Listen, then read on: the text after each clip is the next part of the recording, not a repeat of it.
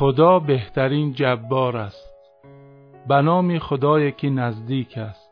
سلام.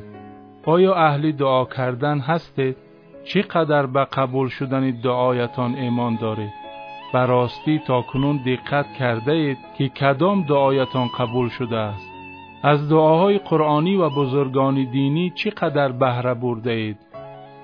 تا حال فکر کرده اید که یاد دادن دعا هم هدیه بزرگ و مهم است.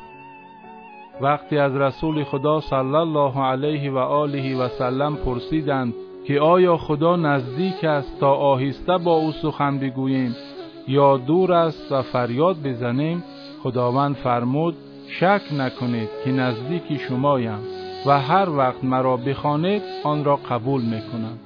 حالا نوبت و هنری ماست که چی چیزه و چگونه از خدا می‌خواهیم. سال چهارم هجری بود. بیش از چهار ماه از شهادت همسرش میگذشت. هین دختری سهیل شب و روزش را در فراق یاری محبوب و مجاهدش به سختی سپری می‌کرد. زمانی که نگذاشتن از مکه همراه عبدالله به مدینه هجرت کند و فرزندش را هم مجبوری از او جدا کردند یک سال تمام در فراق عزیزش گریه کرد تا سرانجام موفق شد خود را از چنگ مشرکان و خیش و تبار جاهلش برهاند و به عبدالله برساند. عاشق هم بودند. شنیده بود که زن و شوهر دنیایی می توانند همراه آخرتی هم باشند.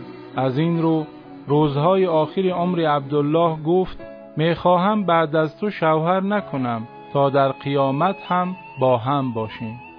از عبدالله شنید اگر مرا دوست میداری حتما شوهر کن.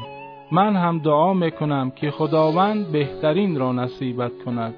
این وصیت عبدالله ذهن او را مشغول کرده بود. البته هدیه شوهرش هرگیز از یادش نمی‌رفت. روز عبدالله در حالی که چشمانش از خوشحالی برق می‌زدند وارد خانه شد و گفت امروز رسول خدا علیه السلام به ما فرمود هر کس گرفتاری مصیبت شود و جمله این لله و این الیه راجعون را بر زبان براند و بگوید خدایا به خاطر صبری بر این مصیبت پاداشم ده و بهتر از آن را جایگزینم کن خداوند دعایش را قبول می‌کند. این هدیه شوهرش را حفظ کرده بود. حالا بعد از وصیت و شهادت عبدالله آن ویردی زبانش شده بود. چگونه بهتر از عبدالله برایش جایگزین می‌شد؟ چندین چهره سرشناس مدینه تا کنون از او خواستگاری کرده بودند ولی به آنها جوابی رد داده بود. روز در حال دباغی پوست بود که رسول خدا مهمان خانه شد.